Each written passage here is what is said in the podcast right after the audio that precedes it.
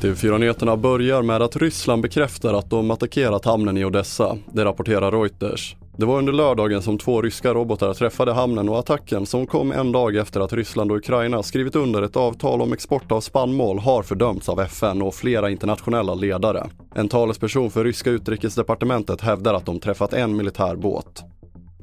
Och bränder fortsätter att härja runt om i världen, bland annat på flera platser i Grekland. På ön Lesbos har både boende och turister evakuerats undan lågorna men enligt charterbolagen Ving och Apollo ska alla svenska resenärer vara i säkerhet. Man ska vara orolig, man ska se till att man ska eh, rensa, eh, inte slänga sopor, inte slä glas.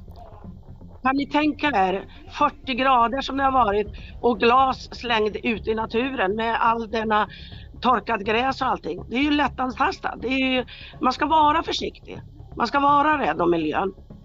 Det, det, det är jag väldigt rädd om. Att folk bara slänger kanske en cigarett och det blåser lite grann.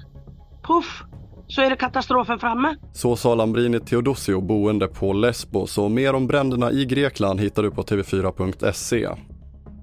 Vidare till Sundsvall där en kvinna anmält att hon blivit utsatt för en våldtäkt. I nuläget är ingen person gripen men tre män ska ha setts lämna platsen där våldtäkten ägt rum, skriver Aftonbladet. Under helgen har Sundsvalls torgfest pågått och männen ska ha rört sig i riktning mot festområdet.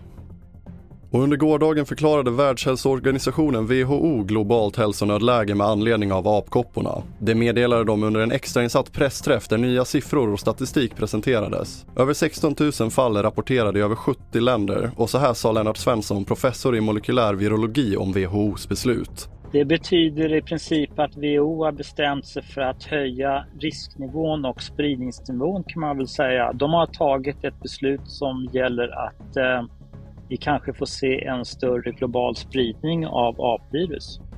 Det får sätta punkt för TV4-nyheterna. Fler nyheter hittar du som vanligt på tv4.se. Jag heter André Meternan Persson.